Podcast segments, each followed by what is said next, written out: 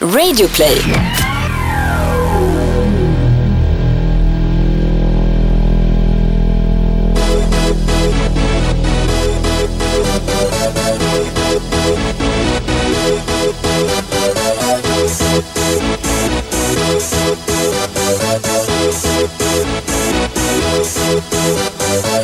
Y'all ready for this?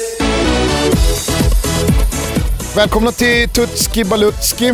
Vi rullar på. Det är tisdag den 16 maj och efter att ha ögnat igenom vilka som fyller år den här dagen ska jag säga att det är nog eh, svagast hittills i år. Ja, kan vi inte bara göra en liten kort eh, tillbakablick eh, på gårdagen? Då! Den här gubben fyllde år. I'm feeling good. Oh, I feel good. You know why? it's Monday. and you know? It's my birthday. Can you believe that? I can't keep it. It's too much joy. So good. So good. I got a woo. Oh my god. I feel like. I can't breathe. It's too much excitement. I can't keep it for myself. I said, move your shoulder. Move. I know you want to move your shoulder. Move. Move. So nice. So nice. Oh my god. Move your shoulder. I need some fresh air. I can't keep it. Det är bättre skjut i Patrice Evras måndagar än vad det är i Ove Kindvalls måndagar får jag anta. Ove Kindvall är nämligen den enda av värde som jag hittar fyller år idag. Vad gör In- Niklas Kindvall idag? Jag vet inte men eh, han har Fan vad väl... jag tyckte han var bra alltså. Ja. ja, han var riktigt bra. Riktigt bra, han hade en jävla cool look också. Och där Med kan jag säga... och det där- vilda håret. Mm, där kan jag säga, jag kan inte hänga ut den alltså. Niklas Kindvall, Norrköping, men alltså hans Europa-äventyr, det, det, det, det minns jag inte. Fan, jag antar att han har ett eller? Ska vi kolla? Ja, det måste vi nästan göra. Ni hör här hörni att eh, Toto Balutski, vi sitter minsann inte med datorerna redo, utan vi gör, vi, vi erkänner våra brister också, eller hur Gusten? Hamburg Ja men kolla. Fan, ser man ju. Ni börjar bli en klassisk svensk klubb, Hamburg. Du må, vänta, vänta, vänta, vänta. Hur ser statsen ut? Jag misstänker att det gick åt helvete i Hamburg. Eh, Har fram, vi då en röd tråd? vad jag får fram är att han var i Hamburg mellan eh, 1994 och Vad jag får 1996. 19 matcher, två mål. Ja men du ser, det är något jävligt med Hamburg alltså. Ah, jävla fina stats i, i Norrköping alltså. Ja. Alltså Sen, jag, eh, jag vill minnas att, att han gjorde mål jämt. Det var lite som, som jag minns tillbaka på Hasse Berggren liksom. Att det, det, var, det var ständiga jävla mål. Men Hasse Bergen gjorde ju mål jämt. Ja, jo men uppenbarligen Niklas Kindvall också. Eh, hans pappa i alla fall, Ola Kindvall. det var Ola! Ola. Men hans kusse Ola som spelade i Ja, ta- BK-räven. ta- ta- ta Hans pappa i alla fall, Ove Kindvall. Nej, ta inte om det där. Ove Kindvall i alla fall. Det var ju eh, Bosse som bollade upp honom va? Eh, att eh, det är en sån här spelare som jag tror att en, en stor del av de fotbollsintresserade i Sverige inte har koll på att han har avgjort en Europacupfinal. Varför jag bollar upp Ove Kindvall, det är ju för att han är ju Feyenoords store son. Eh, I alla fall för den äldre generationen. Men nu har det ju skapats nya hjältar för den där fotbollstokiga staden Rotterdam. Såg du scenerna från i helgen när de vann sin första ligatitel sedan slutet på 90-talet? Jo, och det här går ju tillbaka till helgen innan då, när man så medvetet förlorar matchen bara för att kunna fi- fira på hemmaplan. Vilket jävla självförtroende man har. Om man går och torskar, var det inte så här ganska klart också, 3-0. Jo. Så ställer in skorna och, och man vet bara att man ska ta det på hemmaplan. Ove Kindvall i alla fall, han spelade i Feyenoord under fem år. Mellan 66 och 71 sköt ju dem till Europacup-titel och gjorde 129 mål på 144 matcher, det är starka papper. Eh, men i helgen då i alla fall så avgjorde en annan stor anfallare det här. Dirk Kuyt med lagkaptensbinden på armen gjorde hattrick för Feyenoord. Och eh, man tog alltså sin första ligatitel sen slutet på 90-talet. Det var ju mäktiga jävla scener, dels inne på The Cape. Alla också, älskar att namedroppa Feyenoords arena. Ja det kanske man gör. Det har jag märkt också de senaste två veckorna. Inte, inte nu från mig. vill man... Nej nej, absolut Det inte. här är första gången jag säger The men, Cape ja, jag på vet, länge. jag vet, men jag märkte också att du tyckte det var lite härligt att säga Man stannar ju upp och tar en extra liten sats. Exakt. The Cape.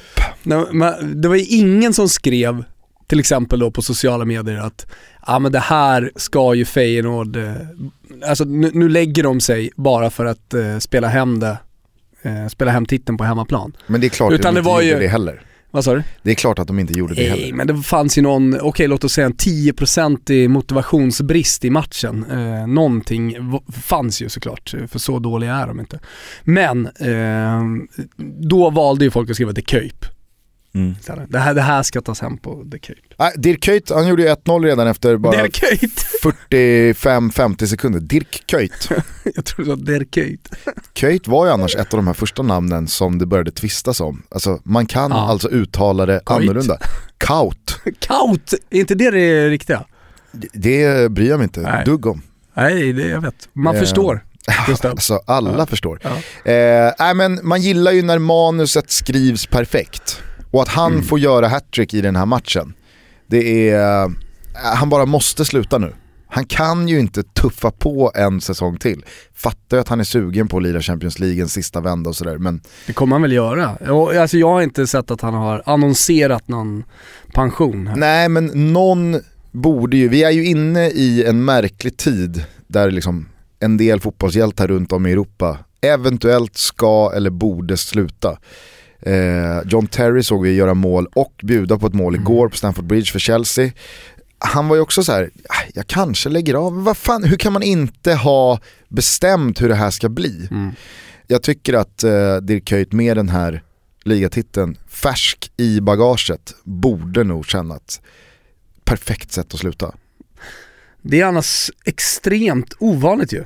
Att man slutar när man är på topp. Det är alla idrottsmän egentligen säger att de ska göra vid något tillfälle. Det, det händer ju inte. Nej men nu, nu vet jag att väldigt många lyssnare tycker att det är märkligt när du och jag drar upp någon hockeygrej här. Ja, men alltså jag kan Men- förstå, vänta, jag kan innan- förstå en, en liten idrott, inte hockey och sådär, men jag kan förstå längdskidor eller vad fan det nu är. Där, där man inte har tjänat jättestora pengar, där det gör skillnad för ens framtid om man då krämar ut de sista två, tre åren. Eller om man inte vet vad man ska göra, om man älskar sin idrott och man liksom bara fortsätter även om man märker att kroppen inte svarar som den har gjort tidigare. För att det också, inte bara finns en passion och en liksom vilja att fortsätta hålla på med det man gör, utan också en liten då ekonomisk morot. Mm. Vad jag skulle i alla Det är fall, ens jobb liksom. vad, vad, vem jag skulle dra upp vet jag inte för jag har tappat namnet på honom. Men jag kommer ihåg att nu när HV71 vann SM-guld för några veckor sedan så läste jag en intervju med en av deras mest eh, profilstarka spelare som sa att jag, hade, jag bestämde mig för några månader sedan att om vi vinner guld, då lägger jag av. Annars så hade jag nog kört en säsong till. Men nu blev det guld och jag kan inte tänka mig ett bättre sätt att avsluta karriären på. Så att han lägger av, trots att han hade då förmodligen fysik och kontrakt för att fortsätta. Och det gillade jag så jävla mycket, att han hade bestämt sig att blir det ett så fint avslut och en perfekt sista match, ja, då, då får det fan vara. Och jag tycker att Dirk Kuyt borde tänka så också. Fan vad mäktigt, för då kommer man ju komma ihåg det jämt. Han la av efter att ha gjort hattrick i sista ligamatchen och tagit första ligatiteln på 20 år för sitt Feyenoord med lagkaptensbindeln på armen. Du vet ju vem som, eh, på tal om att annonsera saker, har annonserat eh, att eh, han ska lägga av när, när han känner att han är, liksom är på topp och att nu kommer jag inte kunna ge lika mycket. Alltså nu, nu är jag inte lika bra som jag en gång har varit för att kroppen svarar inte. Det är ju Zlatan. Han, han har ju sagt det flera gånger och varit väldigt tydlig med det också. Därför ska det bli mycket intressant att se hur han hanterar åtkom, återkomsten från den här skadan. Visserligen så är det en lite annan situation, någonting som man inte hade räknat med. Men, alltså är han 5% sämre, då, då ska jag lägga av. Har du följt eh, det här snacket om eh, hans knä och att det är så fantastiskt och att han ska återvända till Pittsburgh för att eh, liksom, han, ska ge sitt knä till forskningen för Jo. att läkarna var så Nu har ju Kung Fu eller vad han heter som har opererat honom också sagt, eh, uttalat sig för första gången. Ja. också. Men även den andra kirurgen, tysken, Ja, har sagt att nej, det är lite överdrivet det där snacket. Fo, han, eh, han eh, öste ju bara vatten på Mino Raiolas citat. Och, och sa liksom, ah, absolut, det här är Han är ju en ruggig, Fo ju- korrupt aura den här Fo alltså. Ja, verkligen. Fo har ju fått ett bra, bra fyllt kuvert och bara hakat på, Alltså fått det, ett jag vet inte manus. hur jävla bra fyllt det är. Det, det räcker med 10 000 dollar för Fu alltså. Ja men det är ju mer cash i Fos kuvert än vad det var i tysken. För tysken ja. har ju gått ut här nu och bara liksom, nej, Tyska räcker med 500 gamla mark, tyska mark. D-mark. D-mark. Ja, jag tyckte det var väldigt roligt i alla fall. För jag pratade om det här med min tjej som är Ja, hon är fotbollsintresserad men hon är ju långt ifrån lika fotbollsintresserad som jag. Och när hon hade läst det här så sa hon, har du läst det här om Zlatans knä? Det är Så jävla häftigt eh, att, att de säger att eh, eh, hans knä är så imponerande att han ska komma tillbaka till Pittsburgh sen efter karriären för att de ska forska på hans knä. Och då sa jag alltså, nu måste du, nu måste du syna det här i sömmarna. Varför tror du att de här orden kommer i det här läget? I synnerhet från hans agent. Det är ju så jävla tydligt. Alltså Bara- lämplighetsskalan, det går ju inte ens att applicera i det här fallet alltså. Nej, det är någon, nej, jag vet inte vad det är för skala som ska appliceras. Men Nej. då, då, det, var, det var kul att se på henne att det gick upp för henne att, Alltså agenter som pratar om sina egna spelare Nej, men att det- överhuvudtaget. att det planteras superlativ om knän för att hjälpa till i Zlatans nästa eh, kontrakt. Ja. Det var ju liksom nytt för henne. Det var fint att se. ja. Fint att se. Det är det är mer värdigt än eh, FOS, liksom uppenbara, eh, alltså, uppenbara korruptionskåthet. Ja. Så det är väl inte riktigt korruption, men jag gillar ändå att använda ordet här när det gäller... För han sysslar säkerligen med någon slags korruption där borta i Men vad, vad är det då? också. Man har ju köpt FOS ord. Ja, ja. Man har ju köpt hans ord här. Jo, absolut. Men tysken, väl tysken är noga med att- kanske till någonting mer då. Ska du få fram vad den här tysken heter bara? Ja, vi ska se. Eh, Zlatan, eh, ni... Vet du vad jag får upp här medan jag håller på och googlar? Det kanske var svag googling men får upp en rubrik som eh, heter Zlatan Ibrahimovic could become king of German city Oberhausen if he signs for the football team over Manchester United. Minns du den grejen eller?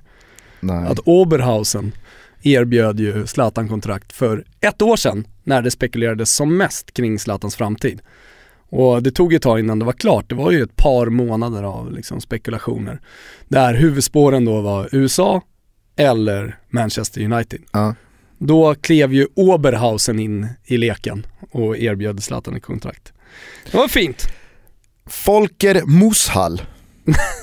Bra tyskt eh, kirurgnamn. Ah, men alltså att Fos heter Freddy, Freddy Foos.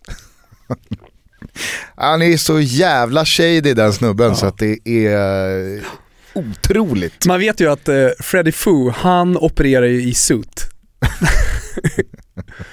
han har inte ens på sig den här vita rocken, utan han Freddy kör bara Foo. rätt i någon jävla lite för stor Armani-kostym. Alltså ser man ju bilden här på Fo, Zlatan och Folker. Alltså Folker är ju, han, han har ju rent mjöl i påsen. Freddy är ju, han är alltid till salu. är budet rätt, Då jävlar. då ställer han upp på vad som helst den här gubben. Du, från, eh, var det Ola eller Ove Kinnvall? Ove. Ja. Från Ove Kinnvall eh, måste vi ta oss kort då till din eh, Romresa, för du har ju varit borta nu över helgen. Ja. Eh, och det är ju många av våra lyssnare som har uppmärksammat i och med att du då har lagt ut bilder därifrån resan. Alltså var det så fantastiskt som det såg ut? Ja verkligen. Mm. 30 grader. Eh, Lite för varmt för en stad. no, nej, inte den här tiden på året. Nej, inte inte, när, inte när Sverige har stått för det vädret man har haft senaste tiden. Då vill du ju bara dit. Ja. Så då misstänker jag också att det var, alltså som man såg på bilderna, en hel del uteservering. Mm. Det var väldigt mycket så. Nej men eh, du vet ju själv hur det är när du är i en stad med någon för första gången. Ja. Det är så roligt, alltså allt blir så roligt igen. För du får eh, visa... Eh, och, Jo men man blir ju lite stolt sådär, att få, få visa någon eh, en stad som man verkligen älskar och som man har varit i mycket. Ja exakt. Nej så det var... Det, Det var, det var egentligen det som kanon, drev mig alltså. en gång till att starta en resebyrå. Eller att jobba med resor överhuvudtaget innan jag gjorde det här. Eh, just, just den här, ja, fan passionen att få berätta om eh, någonting som man verkligen älskar. I Mm. mitt fall så var det då en stad och en region och en, en historia som jag var väldigt fascinerad av. Ja alltså då är ju Florens en bra stad i det avseendet. Men Rom är ju nästan, alltså Rom spelar ju en egen liga. Jo, i och med att det var eh, romarriket. Alltså, Mm. Jo, men det är inte- centrum av Det världen. är inte som att ta med sin tjej för första gången till Bremen. Jag älskar Bremen och har varit i Bremen 12 gånger och nu får jag ta med min tjej Ja, men dit. vet, vet Alltså, då får man ju stå, viktigt? Då får man ju stå och nästan krydda Mm. kring den här lilla kyrkan eller det här fula torget. I Rom så är det liksom, Men det som är går inte att överdriva. med, med en stad, det du säger, det är ju att det finns så här, sidospår som är roliga, som man kan skratta lite åt också. Eh, eller som är lite spännande. Eh, och det finns ju väldigt mycket i Rom och för all del i, i Florens också. Mm. Alltså Rom, romartiden, hur många böcker, dokumentärer, filmer har det inte gjorts om, om den. Och det, det, de kan till och med bara ta liksom, en byggnad från Rom och göra en film av, eh, Colosseum. Men eh, li, liksom eh, i andra städer, det, det funkar ju inte riktigt i Bremen. Nej, det, Stockholm, vet du, då har du Eller Stockholms vet du? blodbad, du har Vasaskeppet som har sjunkit, där har du en del intressanta ändå så här händelser som, som ändå får en att stanna upp lite. ja, Här släpade man med, ner alla adelsmän till torget Mm. och högg huvudet av dem. ja, nej, men Stockholm eh, kan jag tänka mig, eller det vet man själv när man har haft utländska kompisar på besök i Stockholm. Att det är en ganska rolig stad att visa upp. Men eh, det, var, det var väldigt trevligt. Det är fascinerande eh, med eh, italienarna. Nu när vi är inne i eh, våran vasskampen Mm. så har man ju eh, tentaklerna ute, radarn är ju påslagen liksom. Man har ju fått sig en bassning här i kostgenomgången med Malin, våran PT och sådär. Hur som helst så fascinerar det mig att italienare inte är fetare. Det är helt sjukt. Alltså jag tänkte verkligen på det många gånger. För det är ju pasta och det är bröd och det är pizza och det är alkohol hela tiden. Vet, vet du vad, Och alla vet- mm. kör ju liksom bil eller moppe. Men vet du vad som är hela grejen med liksom det? Nej. Det är ju att italienarna gör ju allting Generellt sett såklart, det finns ju de som är smällfeta där också. Men, men italienarna gör ju allting med måtta. Alltså de dricker med måtta, de äter med måtta också. Alltså det där är ju deras kultur, det hade ju inte funkat om deras kultur var liksom som Sverige. Där, där vi har Mongolian barbecue där folk går och äter tills de kräks liksom. Bara de ser en buffé så är det bara JÄVLAR! Fyller tallriken, du är ju där, du vet ju själv liksom. Ser du en buffé, du är en sån som fyller liksom den här Viking Line-tallriken med, det är sill och lax, allting bara en salig jävla röra. Liksom. Man och älskar att gå på jul, julbuffén på Tyrolen liksom och det bara ska smackas på med grejer. Italienarna har ju inte det i sig. Ja, förutom när det, kommer till är rökning. liksom, det, Ja men det, De det är lite som med med pastan så här. Du, du, du får ju en liten primo, du får ju inte en, en eh, som man säger där, eh, piatto unico. Så här, här är din rätt, det är det enda du ska äta. Det är, så är det ju i Sverige när du får en pasta, det är ju för mycket och det är ju de fattat. Utan det är därför antipasto, primo, secondo finns. Mm. Ja, nej men eh, oavsett mängden En av, de då. första, en av de första meningarna på italienska som jag lärde mig det var eh, Salto il primo ma vorrei un secondo. Alltså jag hoppar eh, primon men jag tar, men tar bara en eh, secondo. Mm. Kan man ju, hur skulle det låta om meningen var då slå ihop primon och secondo? Fai un, Lägg det på fai, fai un piatto unico eh, del primo del secondo. Lägg allt på samma tallrik. Ja. Jag ska snart, Tutto insieme. jag ska snart, Det, det, är- det är väl det enklaste. jag ska snart Un backa. primo, un secondo, tutto insieme. Tutto balutto, är det bara att säga. Där har du det. Allt landar, alla vägar bär till Tutto fucking Balutski. Det- Den här då, bara, få, man får väl backa. Backa är ju någonting som Christian Borell gillar väldigt mycket. Man får väl backa. Backa på soppan är ju en klassiker. Eh, men men hur, hur, hur hanterade du det här själv då? Med primo, secondo, antipasto, vasskampen och alltihopa, tycker du? Nej men eh, helt okej. Alltså det här var ju en resa som var bestämd sedan innan och eh, när man är där med sin tjej för första gången, som sagt det var kanonväder, vi fick jävla superdagar.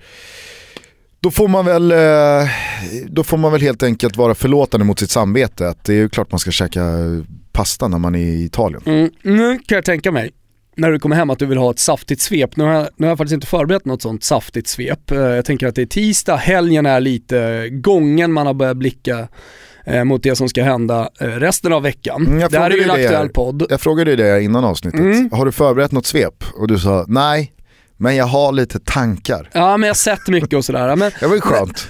En tanke i alla fall. Går in i poddinspelningen med lite tankar.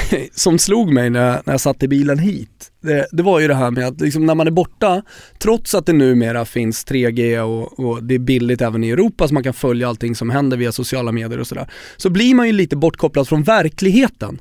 Jag kommer ihåg två stycken och det är ett ett aktuellt, eh, jävligt aktuellt case eh, som, som fick mig liksom att tänka på din resa eh, och ville höra hur bortkopplad du har varit och saker som jag missat liksom i historien när det inte fanns internet. Det ena är ju det här Kevin-caset. Jag är ju då, alltså, nu, nu pratas det ju jättemycket om eh, den här Det killen. där mordet. Ja det här mordet som två stycken unga killar, men det här pratas ju om överallt. Jag tror att alla som lyssnar på den här pod- podcasten inte har missat det. Du kan ju dock ha missat eh, hypen, eller hypen liksom, men hur stort det här har blivit efter den här fantastiska dokumentärserien som nu rullar och väntar på tredje, pre- tredje avsnittet på SVT. Eh, jag tror att du har missat lite hur hypat det har varit, du har säkert tagit till det lite.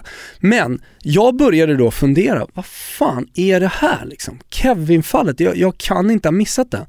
För det har ju hänt en gång tidigare, när jag fyra år efter Malexandermorden, morden, Ja. bara, Malexandermorden, vad, vad snackar de om? Och någon bara, va?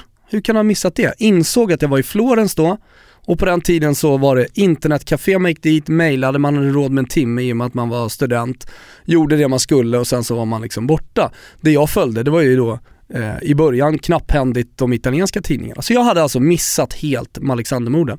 Och uppenbarligen då Kevin-caset, för då var jag också utomlands.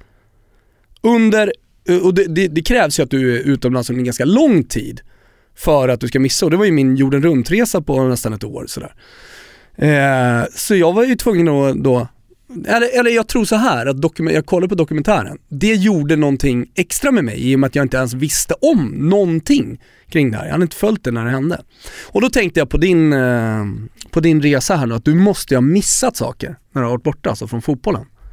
Alltså du, du likställer en helg i Rom med din jorden runt-resa Nej, på ett år. nej, men, nej, men, jag, nej, men själv, som jag säger, självklart så har ju du följt med, men, men det är ju, jag är ju helt säker på att du har missat saker från helgen. Ja men det är ju svårt för mig att säga. För att det jag har missat har jag ju missat. Så att jag vet inte vad jag har missat. Nej, Det är men, väl själva grejen med att ha missat saker, att man inte vet om ja, att man har missat saker. men ska vi börja i Italien då? Eh, det, det var ett lag som blev, eh, nu, nu gör vi det här svepet bara för att kolla av dig. Mm. så kan ju lyssnarna liksom vara med lite. Har du missat att ett lag har blivit klart för Serie A? Äh, Spal, Ja det, det har du följt med. ja Det är ändå Italien så det kan man ju ja, tänka ja. sig. Nej, men det har jag varit med Men det var ju, alltså de vart ju, de vart ju Batan-klara förra veckan. Ja, det Så var att de. eh, det, var ju Ja. med, det var ju mest bara formalitet den här Och vad är då anmärkningsvärt med att Spal gick upp? Jo, de har ju en tränare, Semplici, som har, eh, som jag tycker, för hela fotbollseuropas mest tydliga, jag har färgat håret-aura. mm. Ja men det, det finns ju de Alltså som... inte bara att håret är så tydligt färgat, det blir nästan kant, så här, som Berlusconi. Ja men det finns ju de som har färgat håret och lite är öppna med, eller så så här, de, de är medvetna om att ja, det är klart att mitt hår är färgat. Mm. Alltså då, då tänker jag ju kanske framförallt på de som har lite mera punkfrisyrer eller så här, mohikanen är där, slingor eller du Jo, kör men det här är så här, jag vill se 50-50. naturlig nej, nej, ut. nej. Den här snubben, han tänker ju, det är ingen som märker något. Exakt. Och det är ju det, det är, det är där gränsen går för vad som är sorgligt och vad som är liksom, Ja.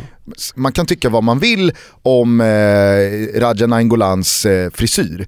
Men det är, det är inte så att han springer runt och tror att det är ingen som märker att jag har färgat den här tuppkammen. Nej, och jag tänker tillbaka och nu är det nästan lite trendigt med så här gråstänk i håret, eh, det, eller hur? Alltså folk gillar det. Det man, man, man vill gärna visa upp att man, man har några år på nacken sådär. För alla Men som förr i såg, tiden, alltså på 80-talet när, när hårfärgerna började komma, shit alltså vad var det i dem? kan man ju undra. Måste ju ha dödat en hel del hårbottnar. Men, eh, men eh, då såg ju folk ut så här som Semplici nu gör. Det är ju ganska ovanligt tänker jag, Mm. nu för tiden. Ja, det ser ju för jävligt ut.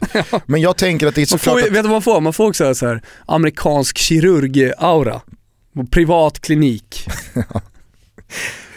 betydligt sämre med fingrarna dock än Freddy Foo. Ja.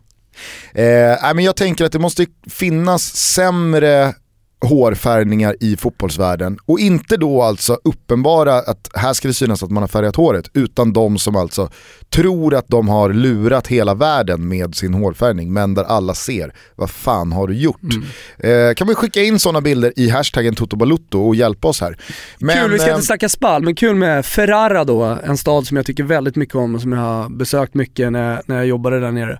Eh, tillbaka i Serie A Mm. efter en herrans massa år. Eh, de har ju också en supporterskara bakom sig, en kurva som är eh, riktigt grym faktiskt för att vara en liten stad. mm. Det är inget Sassuolo-lag här eh, som, som eh, kommer upp i, i Serie A. Sen kunde det väl bli så att eh, ett annat stort publiklag eh, hade kunnat bli klara för Serie A igår med Hellas, eller i Mm. förrgår, i söndags där. Det var väl eh, fullsatt på eh, Bente Godi. fullsatt och som alltid då högst decibel i fotbolls-Europa Mm. trots en ganska sliten, rund, klassisk fotbollsarena. Men nu avgörs det i sista omgången här mellan Frossarna och eh, Hellas. Jajamän, Frossarna och Hellas, eh, det, ja, vi ska inte prata om Serie B, det är inte det vi är här för men, men eh, det var ju en otrolig prestation som motståndarmålvakten stod för under den matchen. Eh, andra stora grejen i Italien, förutom den matchen du var på som du gärna får berätta om sen, eh, det var ju Interkurvans eh, protest. De eh, gick och käkade, sa tja då, och så gick de eh, ifrån San Siro efter bara en kvart sådär. Exakt, de hängde väl ut någon banderoll där det stod att vi, ni är inte värda vår support. Nej. Så vi går och käkar. Så vi går och käkar istället. Eh, och det tyckte jag var väldigt kraftfullt och eh, jag tycker också att det var bra gjort för att det där laget har ju checkat ut, spelarna har checkat ut. Jag ska komma ihåg också att Inter har alltså den andra största lönebudgeten totalt sett i hela Serie A efter Juventus. Och eh, när man så uppenbart då inte vill spela de här matcherna och inte vill gå till Europa League så, så blir det respektlöst mot fansen. Jag tycker att den protesten var uppfriskande och den var också snygg. Jag har aldrig sett det tidigare på det sättet. Eh, så det, det var, de, de är uppfinningsrika italienarna. Inte bara i banderollerna så att säga utan här var det ju helheten. De började ju med ett tifo med, med eh, en, ja det skulle väl föreställa, det var ju bara en stor vit flagga skulle man kunna säga. Eh, men det skulle föreställa då ett segel och skrev att här är intersäsong, totalt vindstilla. Ehm, Ja. och så följde man upp det med det här då. Det var väl eh, Milan-supporterna som för några år sedan också körde ett här Ett annat mä- människo, människotifo. Ja, precis. Där det bara stod basta. Ja. Det räcker nu. Mm. Slutligen då med Italien, när vi stänger den, det, det här lilla konstiga svepet, eh, så var ju den stora grejen att Atalanta blev klara för Europa. Eh, senaste gången det begav sig då var Glenn Strömberg Capitano. och det här gjorde man ju en stor grej av också i italienska medier och uppmärksammade senaste gången man var där såklart, man gillar ju sin historia. Eh, och, och jävligt kul ska jag bara säga med Atalanta i Europa för de kommer ju ta det på allvar, sen återstår det att se hur liksom, många spelare de får behålla för det blir ju alltid tufft men det finns lite muskler där som ändå talar för att de, de på något sätt ändå ska kunna ta Europa, eller skärma Europa lite grann. Mm. Hoppas att de får behålla eh, till exempel Pape Gomes. Succétränaren Gasperini kritade på för fyra nya såg jag också. Ja det kommer jag aldrig hålla fyra år, det, Det, det rullade ju länge på italiensk tv. Det rullade ju, här, det rullade ju också den här säsongen för Gasperini, men man vet ju att han kommer gå in i väggen. Nej, men jag skulle annars snarare, på tal om det man missar och sådär, är det, är det någon liga man checkar ut från när man tar sig till Italien så är det ju inte Premier League och La Liga. De gjorde ju väldigt stor grej av att Antonio Conte och Chelsea Mm. vann Premier League i fredags. Det var ju både Gick- första sidor och tio sidor in i Gazzetta dello Sport nästan var Antonio Conte och, och ja, men hela den hyllningen. Det är ju allsvenskan, den försvinner ju ordentligt kan Får jag bara säga en sak, eller vill du komma tillbaka till Premier League sen eller? Ja, jag vet inte Ja riktigt. men säga eh, någon, någonting, alltså det, hela den här ligatiteln, i och med att det spelades på en fredag som för övrigt var ett rekord, Mm. eller vad man ska kalla det för, det har aldrig hänt tidigare att ett lag har vunnit på fredag. Det är ju för att de aldrig har spelat på fredagar, det är väl inte så jävla konstigt. Men, men eh, just för att det var en fredagkväll, folk eh, var inte lika uppmärksamma på det, eller folk är inte lika uppmärksamma på det som händer i eh, idrottsvärlden på en fredagkväll. Ja, då har man ju krökat svenskar. till efter, eh, efter fredagstacosen, man har, vad har man gjort då? Man, man käkar en för mycket. Ja, Ja. antingen så har man ju laddat på Mongolian. Nej men, nej, men, Backat. nej, men det, det, är- det är samma sak där Gusten alltså. När tacosen åker fram, det blir ju en för mycket. Eller så sitter man med de här chipsen i efterhand och liksom trycker i sig det sista som är kvar. Ja. Eh, nej, det, jag, jag tyckte att det, det var märkligt alltså. Vi gjorde en sida i Expressen, sida 7. Det stod ingen annanstans i tidningen. Bladet gjorde det lite större, men jag tyckte inte att det var Ja men det här, det stora som det ändå är att Chelsea faktiskt har vunnit titeln. Men blev det inte lite samma sak där då? Att det, det har varit klart? Jo men det ska Mer ändå mindre firas Ja, ja, liksom, det ska ändå hyllas och, och, och sådär. Alltså, jag hade ju velat gotta mig i den här eh, ligatiteln liksom ännu mer. Nu blev det inte så riktigt. Ja, nej. nej. Jag tyckte i alla fall att det var kul för Antonio Conte att han fick vinna ligan med en sån match där då Batshuayi kommer in och avgör för det var så signifikativt för Conte. Och Hol- Holmgren hade ju fem olika uttal såklart. jag såg att någon hade skrivit i vår hashtag, över eller under 5,5 olika uttal på Batshuayi. Skönt. Nej men eh, håll med mig, alltså, Mm. det, det ringade ju in att hela den här truppen har verkligen bidragit till den här ligatiteln. Mm. Jag kan inte, jag kan inte, ja, det, alltså det, det skulle i sådana fall vara liksom John Terry som spelmässigt av de namnen man känner till i det här laget som inte kanske har gjort speciellt mycket på planen. Men det känns också hårt att säga. Han har spelat en del, han är fortfarande lagkapten och det vet alla som har spelat fotboll eller följt ett lag någon gång att lagkaptenen är ju lagkaptenen. Mm. Det är inte så att Totti eller Terry eller någon annan har checkat ut från eh, sin personlighet eller sin roll i, eh, i, i den sociala hierarkin bara för att man inte startar matcherna. Så att, eh, nej det var eh, otroligt imponerande att se ett, ett, ett lag, liksom alla beståndsdelar av laget vann den här ligatiteln. Men det om det, eh, vi pratade ju väldigt mycket om Chelsea i förra avsnittet med Pavlidis, som många verkade gilla, kul och tack till alla som hört av sig. Men det, vi, eh, det jag tar med mig i alla fall från den här Premier League-helgen, det är att Hall åkte. Trodde Exakt. man ju inte. Marco Silva kom in i vintras och eh, fick ordning på det där skeppet. Fan du har legat på hotellrummet ändå och, och, och läst din fotboll Man märker jag. hänger alltid med. Ja. Men eh, nej, det var förvånande. Jag tyckte det var mycket härligare förr när man kom hem utan att ha haft någon koll. utan att ha någon koll. Ja. Det, är ju, det är ju faktiskt en jävla tidsmarkör att man kan missa att två poliser skjuts ihjäl Ja, i Sverige. ja men så var det. Ja. Nej men eh, tråkigt, fan vad morbid det känns att gå från Alexander-morden och sen tillbaks till Marco Silva. Ja, men vi Skit! pratade ju inte om Alexander Morden, vi pratade ju om, eh, om grejen. Ja, jag fattar. Nej men eh, trist kan jag tycka för Marco Silva och i förlängningen då, alltså den, den, den nya moderna tränaren för bottenlagen i England, kanske Championship-lagen i England. För jag tror att det här kommer i förlängningen inte bli det det borde få bli. Alltså en tränare som kommer in och visar att med små medel, med ett nytt fräscht tänk så kan man nå resultat. Nu gjorde Marco Silva jävla bra resultat, det slutade ändå med degradering. Jag tror tyvärr att ganska många på de där öarna kommer peka på Marco Silva och Hall och säga ja men kolla hur det gick för Hall då.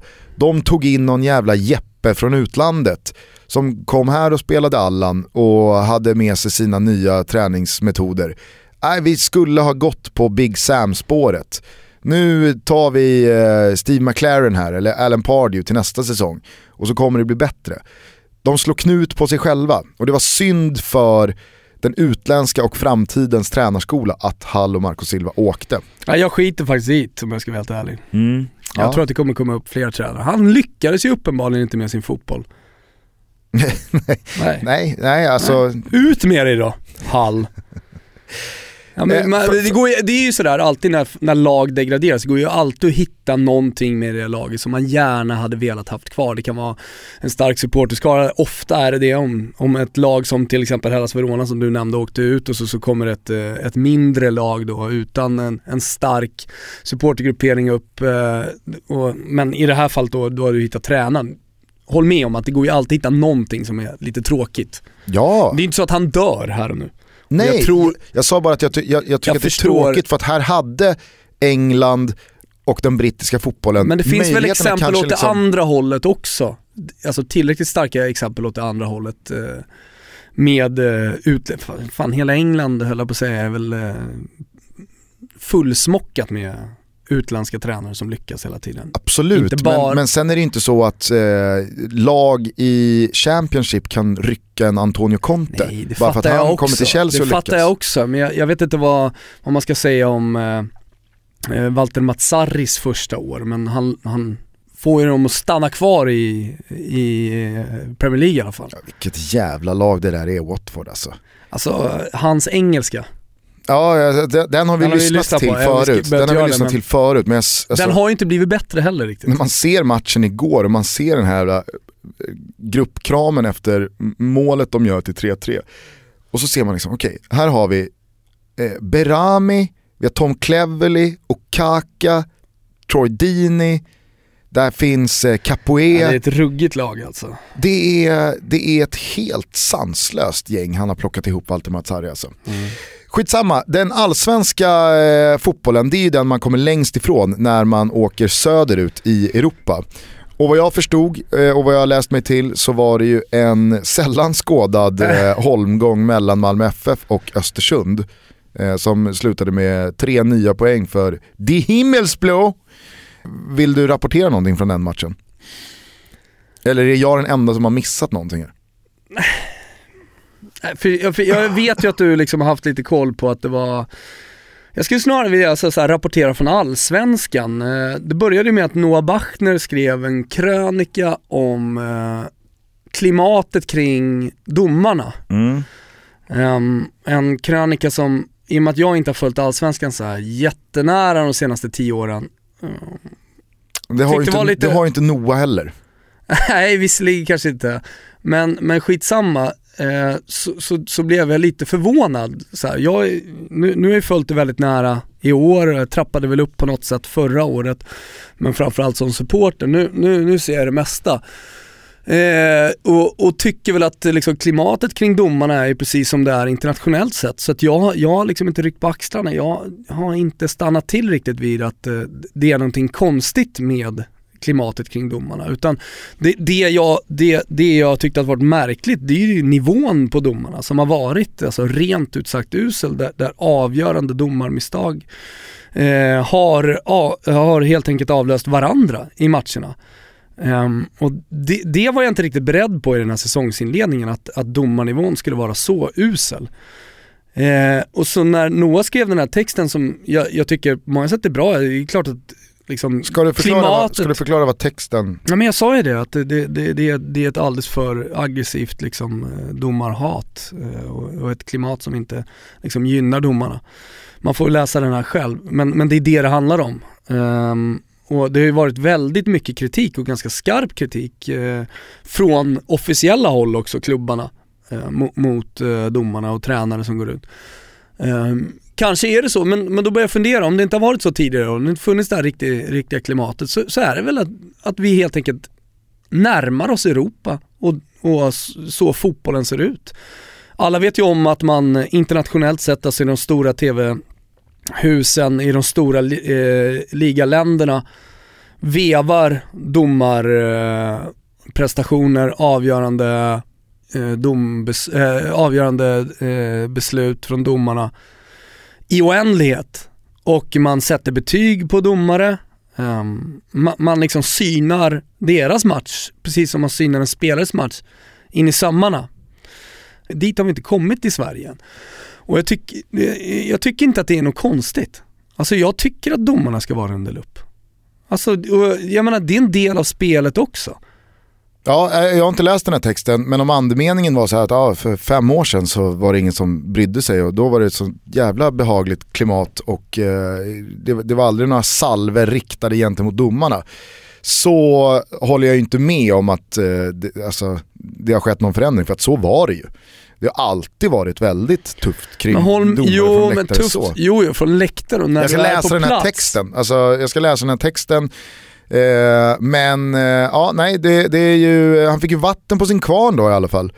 Den här omgången, den här helgen. För att det var ju väldigt eh, omdiskuterade domslut igår på Tele2 till exempel. När Magnus Eriksson väldigt tydligt stod i en offside-position när eh, Karim Rapti hittade honom. Och eh, han då tog ner den på bröstet, spelade snett inåt bakåt och Jesper Karlström sköt tre poäng till Djurgården mot Blåvitt. Dessutom så var det ju en varning på Oskar Linnér i matchen mot Örebro. Han fick någon varning som eh, blev väldigt omdiskuterad. AIK skickade väl in en protest och så vidare. Sen så såg jag igår på Twitter, det var någon eh, ordförande för disciplinnämnden på STFF, alltså Stockholms fotbollsförbund, som hade twittrat ut pajas AIK. Det var väl inte så jävla snyggt. Eh, så att, eh, men det, Ah, det, är det är inte snyggt men eh, jag tycker att det adderar någonting ändå. ja, exakt vad är jävligt oklart. Jo men jag vet inte, jag, jag uppskattar det ändå lite som supporter alltså.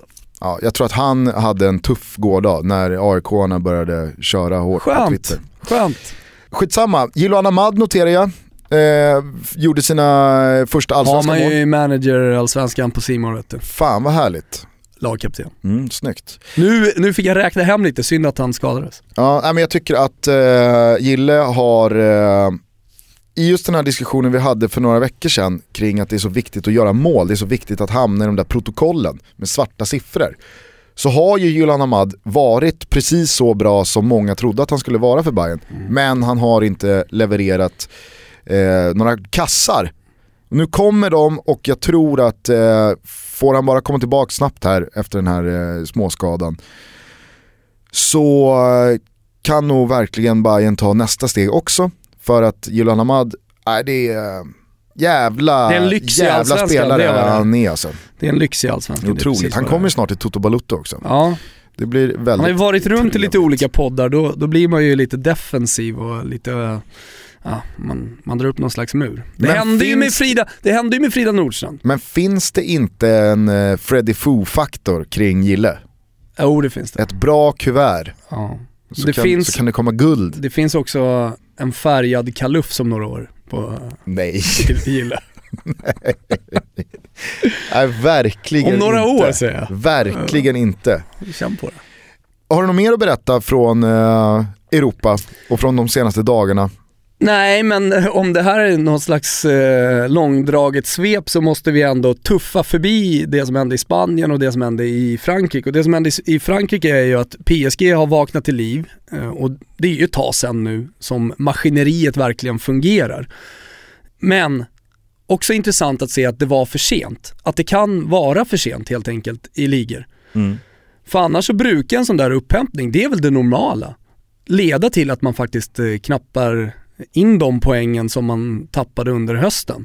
Jag tycker det är Det är starkt av sällan ett Monaco. lag verkligen hå- håller i så starkt. Ja, jag tycker det är starkt av Monaco att eh, inte låta de här två tuffa matcherna mot Juventus och uttåget i Men Champions just att det är. Monaco, Monaco också. Ja men jag tycker det är starkt av dem att inte låta det slå undan benen på Mm. dem och att de tappar ligan också. De offrade ligacupen, de gick för det i Champions, men det slutar i alla fall med en ligatitel. Mm. Så att det är svårt att inte tycka att Monaco gör en jävla dundersäsong alltså. Hur länge kollade man på Monacos Champions League-spel och tänkte snart så spricker det. Nu måste det gå till helvete. Det var väl egentligen i alla matcher. De, de var ju underdog jämt.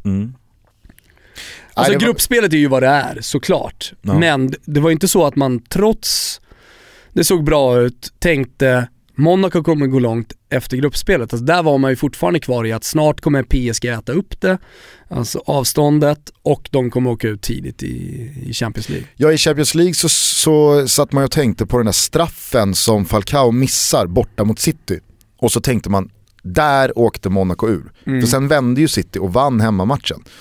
Och det var ju klart liksom. Mm. Men eh, nej, det, det har varit uppfriskande och eh, jag tycker att Toto ska rikta ett jävla tack till Jardim och Monaco för den här säsongen. Det har varit oerhört kul att följa dem och se på dem. De har ju bidragit med att, alltså alla vi som trodde att nu lämnar Zlatan Ligue 1, nu är det helt dött där borta. Varför ska man kolla på fransk fotboll den här säsongen? Ja men faktiskt. Så tycker jag att Monaco har gång efter annan bevisat att Äh, jag har mer än gärna slagit på deras matcher under hela året och kollat på liksom Monaco eh, Angers. Jag håller med. Och det tycker jag är roligt och det, alltså, man lär sig någonting av det också. Att eh, vi, vi är, och det har vi snackat om jättemycket, framförallt jag, men vi är snabba på att dödförklara spelare. Balotelli är ett jättebra aktuellt exempel, eh, ständigt, men, men det finns jättemånga andra också. Eh, och Monaco är väl då liga-exemplet eh, på att det, det, det, liksom, det är ändå franska ligan, kom igen. Det kommer alltid finnas någonting intressant. Det är samma med det svenska landslaget, vi kan inte dödförklara det bara för att eh, Zlatan lägger av. Helt plötsligt nu pratar man ju om att fan den där andra platsen den ska vi bara ha. Fan vi går för första platsen Direkt avancemang till Ryssland. Alltså när Holland utsåg Dick Advokat till, till förbundskapten för tredje gången, om det var några veckor sedan, alltså, då känner man ju att Det är också ett namn. det, det är inte ens ett hot det här. Nej. Och det kommer det såklart vara. Eh, Men, det är klart vi- det är klart att vi blir Men du trea. vet hur vi snackade om det svenska landslaget inför. Jo men det här, Janne är perfekt för att göra generationsskiftet. Mm. Han är perfekt för framtiden och det är på ett Jörgen, eh, eller vad säger jag, Jogge Löw-sätt. EM 2020 vi satsar på. Istället så är vi i all högsta grad med. Mm. Ja ja, och eh, ja, men som vi var inne på, om det Fan var... nu ska vi ju vinna på Friends mot, eh, mot Frankrike. Verkligen. Nej men eh, som vi var inne på för någon eh, månad sedan eller efter senaste omgången där med Holland att nej, det, det, det börjar bli riktigt jävla deppigt att se det där fotbollslandet bara tappa mark och sen så kommer den här utnämningen, Dick Advokat, en tredje vända! Dick! Är du vår gubbe eller? Ja, jag är er gubbe.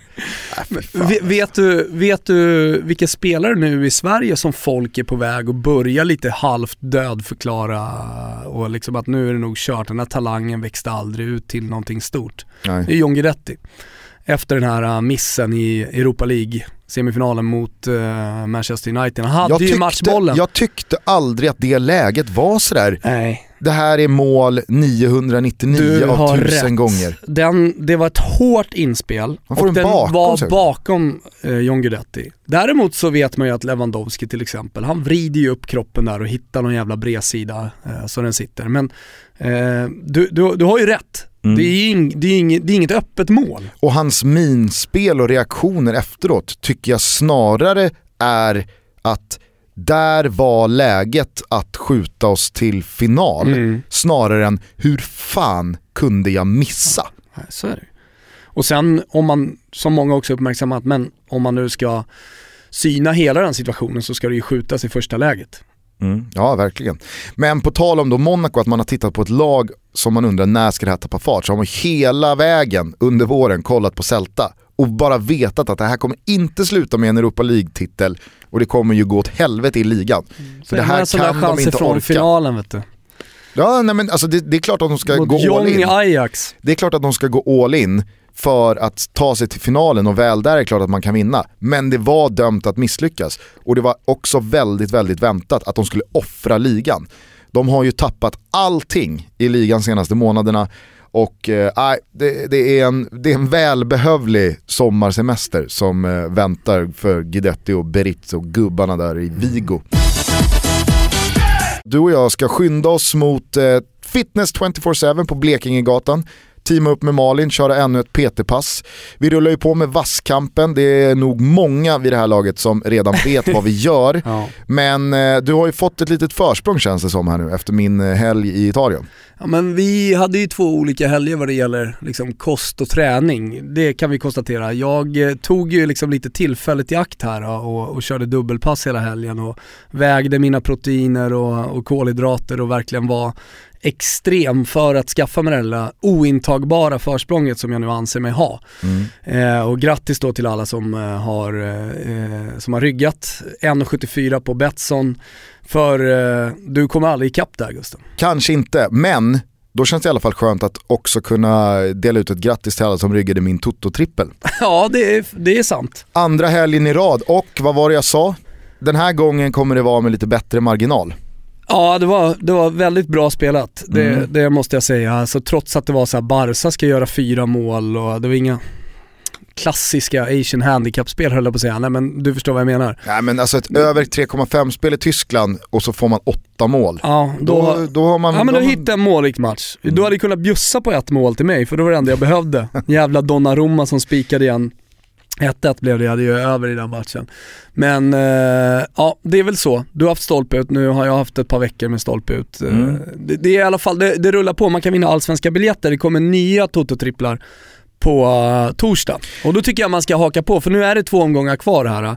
Man har alltså chans att vinna allsvenska biljetter, man har uppenbarligen också chans att vinna deg. Mm. Så ni som har hakat av uh, Toto-trippen, haka på igen. Snart väntar också finalveckor där ute i Europa med både finaler i Europa League, FA-cupen Då och ska vi jacka Champions upp League. ytterligare också. Då kommer vi jacka upp Toto-trippel-kicken. Mm. Vi har nämligen en eh, fotbollsresa på gång i potten. Så att, eh, håll utkik på Betsson.com, haka på på Toto-tripplarna för att vi är i bra form. Eh, så tar vi eh, nya tripplar på torsdag och så Vasskampen, det följer ni via våra sociala medier, där finns det länkar hur man hakar på. Det finns fortfarande men man kan ju kvar. vinna en massa bra grejer Gusten. Ja, det och det kan finns man- god tid att vinna dels våra fina t-shirts Mm. eh, och dels eh, då ja, fri träning på Fitness 24-7 i ett helt år. Exakt, och några Det är bara att skicka ut en bild på Instagram och så hashtaggar man vasskampen från sin egen träning. Det är kul för då blir det här en rörelse och, Mm. och vi gillar ju det här med att vara i form, eller hur? Verkligen. Du, eh, vill du att jag ska avsluta det här avsnittet med en liten kort krönika från den eviga staden? Ja, det vill jag absolut. Får jag bara, får jag bara avsluta liksom, eh, din helg från mitt perspektiv, lite kort, Absolut. med en liten spaning. Mm. Du eh, skickade ut bilder Mm. på hur du såg ut och satt där med Roma-tröja, snygg Roma-tröja på Den var fin. Campo dei Fiori och drack en bärs. Då kom jag att tänka på, eh, eller det, det slog mig liksom att det är så tydligt inom fotbollen hur man klär sig. Att det finns liksom en tre, fyra olika klädstilar numera. Mhm. Och det kanske alltid har funnits. Men antingen så är man ju då som du, man har matchtröja på sig, man är lite sportig, redo för match. Sen tog du på dig en Nike-tröja från den officiella shoppen, skitsnygg, så här Roma Nike-tröja. Du är, du är liksom där i, i färgerna. Sen har du också, sen har du Ultras-segmentet eh, som när jag var i Italien var väldigt mycket så militär. Det var militärbyxor, det var en t-shirt, gärna från den gruppen som man tillhörde med något slagkraftigt budskap, antingen hat eh, mot eh, antagonisterna eller någonting fint om laget.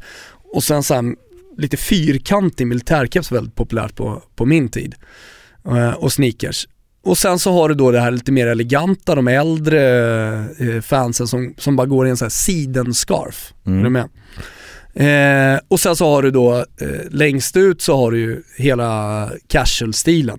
Som även finns i Italien, även om den inte är lika Men vänta här nu. stor. Då, då, då av, av uteslutningsmetoden här så du placerar alltså mig bland julgranarna. Ja, exakt. Ja, nej, men det var ju, ja, okej. Ja. Eh, Vad placerar du själv? Nej, Alltså, Eller finns det en, har, har du någon egen stil? ja, men vad fan, jag hade, jag hade en, en retro eh, liksom, tröja, som, det, det är inte en matchtröja. Jag såg det i en vit matchtröja. Ja, Det är ingen, nej för fan. Alltså det är ju en, det är en, sån här, det är en retro t-shirt som eh, flörtar med eh, bortatröjan från 80-talet. Okej. Det är ingen matchtröja med Jag trodde liksom, att det var eh, en tight sex stråtman på ryggen. Ah, Okej. Ja men då, då får du väl hamna i Och- något och så här lite hipster-kategori Och du placerar då, in mig i facket med hattarna och Ja men det är ju väldigt flaggan, enkelt att spotta en amerikan. hals, Det är väldigt halsdukarna enkelt. runt eh, handlederna. Det är väldigt enkelt att spotta en amerikan i Italien. Eh, Man ser ju det liksom på en kilometers håll att den där snubben han kommer från USA. Um, och det var lite det, det, dit gick mina tankar när jag, när jag såg det i, i matchtröjan. Men då, då, då, jag kan ha haft fel Gusten. Du, du, kanske, du, du är du den här lite mer luddiga hipster-kategorin då. Mm, där trivs jag. Ja, där, där får du trivas. Sen ser det ju olika ut i olika länder. Jag menar i Tyskland så tar man ju hela julgransvängen till en ny nivå. Alltså, fy fan, där kan man de där är ju pins och dekaler och jo, men det är ju, hela det är ju liksom. Varje vecka så är det ju Holland under mästerskap, eh, liksom eh, julgraneri. Ja, indianfjädrar och... Såg någon, alltså, det måste vara någon världsrekord i halsdukar. Han knyter halsdukar överallt på hela kroppen och pins liksom som bara hängde på de här. Det var, det var verkligen en vandrande julgran. Det ser man ju faktiskt bara i Tyskland, i alla fall som jag har varit med om, eh, mm. så olika läktarkulturer. Men, Men, den här, den här ultrastilen som jag pratar om med t-shirten från sin egna grupp och ja du vet, den kan ju ändras lite, man kan väl ha jeans och sånt där också. Men så var det i alla fall när jag, när jag tuffade runt på den italienska halvön med en spliff i mungipan och, och uh, var ball. Uh, I Sverige så har ju den gått mer och mer åt casual-stilen där liksom Stone Island uh, har uh, blivit allt mer vanligt. Mm. Eller hur? Ja, men jag, kan, jag kan faktiskt fascineras lite över det här fäblessen många har över att men, gradera och betygsätta och ha sin take på hur andra klär sig, hur andra reser, hur andra har sina upplevelser kring matcher och sådär. Ja, men det, det jag säger är, det, det, är inte det, alla får resa hur de vill. Jag tycker bara att det är så tydligt med de här olika liksom, klädkategorierna. Du kan verkligen liksom, ta arenan och sen så kan du dela upp dem i de här facken. Det är ju mm. dit jag vill. Ja, ja. Jag tycker alltså det, det, finns ett, det finns några sätt att klä sig på och det finns bara dem. Ja, absolut. Och det är väl en del i det jag eh, pratar om här. För att man märker också så, här, så fort man lägger ut en bild så är det ganska många som har sitt att säga om liksom så här, ja men det där är töntigt och det där är okej och det där är inte okej. Mm, det är intressant. Och det här är liksom, eh, vilken jävla, ja men alla har så mycket att säga och jag, jag, jag har nog också varit så en gång i tiden att det, det finns det finns eh, fin och ful kultur även kring fotbollen. Och det blir, en, eh, det blir en elitism kring det där som jag tycker är ganska osmaklig. Och jag vet att jag är säkert en del av problemet också. Jag har haft mitt att säga om eh, Camp Sweden och Älskar Camp Sweden. julgranar och vad det nu kan vara. Jag har säkert bidragit till det många gånger också. Men jag känner själv att nu, nu, nu, nu är jag så pass gammal och trygg i mig själv att så här, vem fan orkar bry sig om hur någon annan väljer att spendera sina pengar och sin tid och sitt intresse. Jag menar, nej jag, jag, här, jag, kan inte gå på... Men här finns det ju massa gråzoner som tyvärr blir liksom lite problematiska när man ska diskutera det. Eh, men, men, men det jag tror många då eventuellt kan ha lite problem med det, det är ju när man egentligen inte, alltså så här, vissa gör ju uppoffringar, vi pratade ju med Pavlidis om det, mm. det är ett eget litet segment i podden, alltså man gör uppoffringar idiotiska uppoffringar kan man ju tycka i vissa fall, liksom för sitt lag. Mm. Eh, och, och sen så finns det andra då som, som gör laget så uppenbart till sitt. Eh, och, och, nästan liksom vill, vill få fram att jag, jag gör jättestora uppoffringar för det här laget och för, kolla mitt supporterskap, att man nästan skryter med det. Är du med på vad jag menar? Och, och det, det, är väl det, det jag absolut inte du Gusten. Jag bara säger att det, det finns, nej men nu sitter du, jag ser att du sitter och håller andan här, det, det är absolut inte riktat till dig. Jag säger bara att det finns också. Självklart, och jag, du och jag och då, diskuterade du, ja, det här och då säger jag bara så här, Jag kan förstå dem som, eh, som verkligen har, jag har ju själv varit där, men, men alltså som, som gör extrema uppoffringar för sin passion. Mm. Och det här har vi diskuterat förut, inte minst då under en hetsk stund på Rish i höstas. Att så här, jag tycker, och där var ju du väldigt öppen för förändring och att tänka om. Mm. När man, disk- när man diskuterar det här att varför diskutera vem som är mer supporter än någon annan? Men vi behöver inte jag... diskutera det, däremot kan man ju konstatera det. Ja, om man, nu, om man nu tycker att det är så, men det finns ju också någonting... Eh... Alltså någon som det, säljer det finns... sin lägenhet för att ha råd att åka på uh, liksom Roma-matcher. Det är klart att man, man har mer respekt för en sån supporters passion än vad man har för en som åker till Rom en weekend och kollar på, alltså för passionen och kollar på Juve som en match och har lite nice. Ja, alltså så här, Det är ju väldigt enkelt. må, så vara, men jag förstår inte, eller jag tycker Sen behöver vi inte inte längre gradera att man, supporterskapet, man behöver- man men vi kan inte- gradera passionen. Det kan vi absolut Det göra. kan man göra, men man behöver inte, man behöver inte ogiltigförklara Absolut inte. eh, bara för att det finns extremfall. För då blir det ju bara till slut en topp på det berget som är okej och alla andra är inte okej. Och då blir det liksom, jag, jag tycker att man biter sig själv i svansen när man sparkar neråt och säger ha ha ha ha så här gör du, för fan vad töntigt, för fan vad löjligt. Ja, men men man, man, ju- man har ju fortfarande själv alltså, steg kvar uppåt så att det blir lite att man faller på eget grepp. alla gör Och därför fan- känner jag bara så här, ner. vad fan lägg ner istället. Jo men alltså dra, dra, dra, ner en bara- weekend till Italien och kolla på en fotbollsmatch i 30 grader. Men kan inte alla bara få göra som man nice vill, liksom? Jo, jo men det är klart att alla får göra som de vill. Men, Ja, men, det vet inte fan om man får det alltså. jo men enligt, alltså Toto Balutski låter ju folk göra som de vill. Det Du måste det, säga det. Tutski Balutski. Är det så? Du kunde inte säga Tutto Balutski. Jag tycker ändå att det är lite mer slagkraftigt. Tappar ju rimmet. Eh, nej men det var, hur som helst, det var inte det jag ville säga. Just någonting som jag uppmärksammade och tänkte på när jag, när jag såg det i Rom.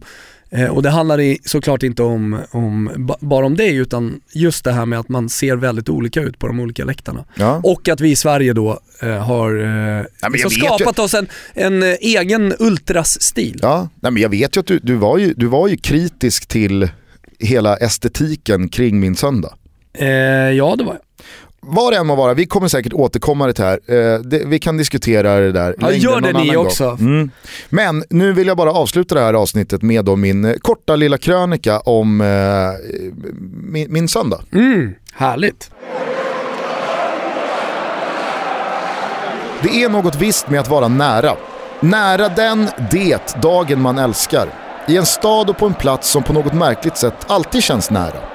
Att vara nära mullret, ramsorna, läktaren. Nära besvikelsen, nära euforin, nära ruset. När? Då. När? Nu. Men nära är inte alltid nästan, bara nästan. När Roma slog Juventus kan man absolut argumentera för att Roma lär sluta ganska nära seriesegrarna i tabellen.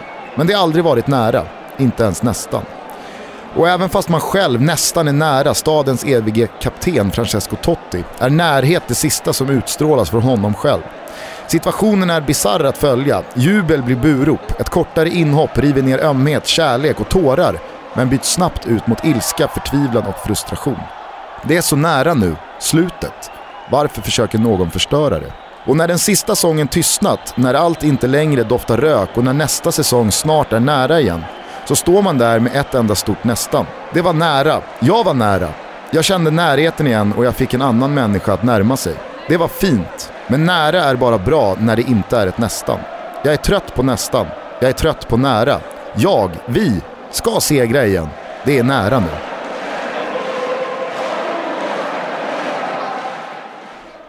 Fint. Ja, tack. Det lät som att det var en känslosam söndag. Nej men jag tyckte att eh, stjärnorna stod så jävla rätt hela helgen. Sen så grumlades ju allting av hela den här Totti-situationen.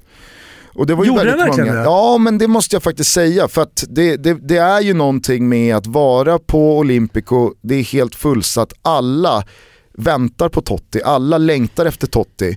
Eh, när Spiken eh, ropar upp Romas eh, laguppställning och sen bänk så sparar han ju Totti till sist.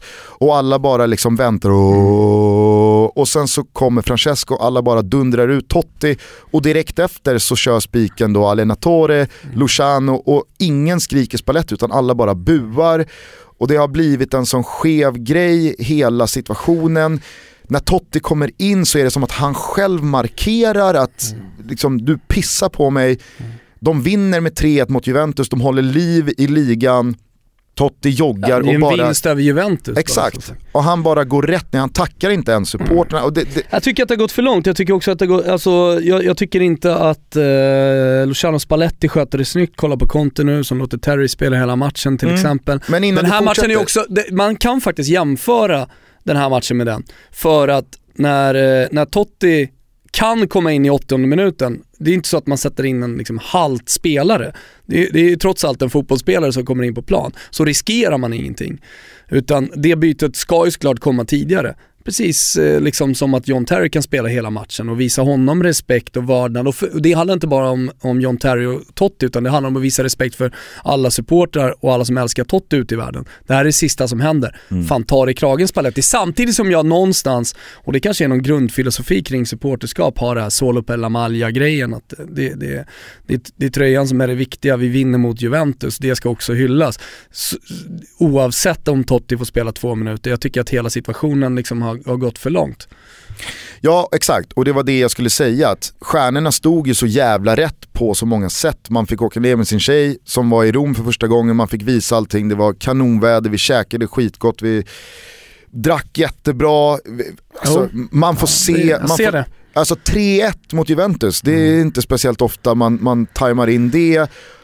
Så att allting var ju helt Jag tycker att du borde glädja dig mer alltså. Ja men allting var ju helt perfekt och det var ju det, alltså när jag, jag la ut en video på vår Instagram, ja, glad. jag var jätteglad. Mm. Och skriver folk så här, eh, du vet, varför är du glad? Situationen med äh, Den ligger ju som en jävla nagel i ögat, jo. absolut. Men... Eh, du var inte ensam glad på Olympico. Överlag så var det ju Ja det var fantastiskt det är, två, alltså. det är egentligen så två separata spår, det är klart man kan vara glad efter Juventus-segern och sen så kan man ju prata om Totti och vara lite sur över det, eller mm. jättesur över det om man vill. Men, men, men jag tycker inte det lägger... Jag väljer Där glädjen. då på plats kan jag inte förstå hur man, hur man eh, om, om man nu är på Olympico, om man går därifrån med, eller direkt på slutsignalen här jag sa, jag sa, ju det, att man kan inte begära så mycket Nej. mer av en söndag. Nej men exakt. Jag kunde fan och, inte begära och, och man måste också konstatera att Luciano, Mo, äh, Luciano Moggi, han är ju fan Ola Kindvall, vad fan gör Luciano han idag? Moggi, jag tror han är nu rådgivare i något albanskt lag. Ja. Det låter ju väldigt Moggi-kompatibelt, de får rätta mig om jag har fel här. Men, men eh, Luciano Spalletti gör ju en fantastisk säsong. Fyra poäng bakom Juve. Det är alltså, sportsligt väldigt, väldigt starkt. Mm. Många där nere som är väldigt övertygade om att det Nu ska vi ta tag i det här. Uh, nu finns Toto-t-shirtarna äntligen att köpa. Följ-länk finns på Instagram, finns på vår Twitter, finns på Facebook. Uh, följ oss gärna där fortsättningsvis. Uh, det kommer feta grejer, räkna med det, lite rörligt från oss. och så går vi och kör ett jävla monsterpass nu. Ja, vi kommer bli sena. Vår ja. Peter Malin har messat här och sagt 9.30 i roddan annars blir det inget Oj. roligt. Ja, det kommer vi ju inte uh, hinna. Eh, hörni, uh, hör av er om det är någonting. totobalutta.gmail.com eh, Var rädda om varandra mm. och var snälla mot varandra. Så hörs vi om några dagar igen. Forza! Ciao tutti!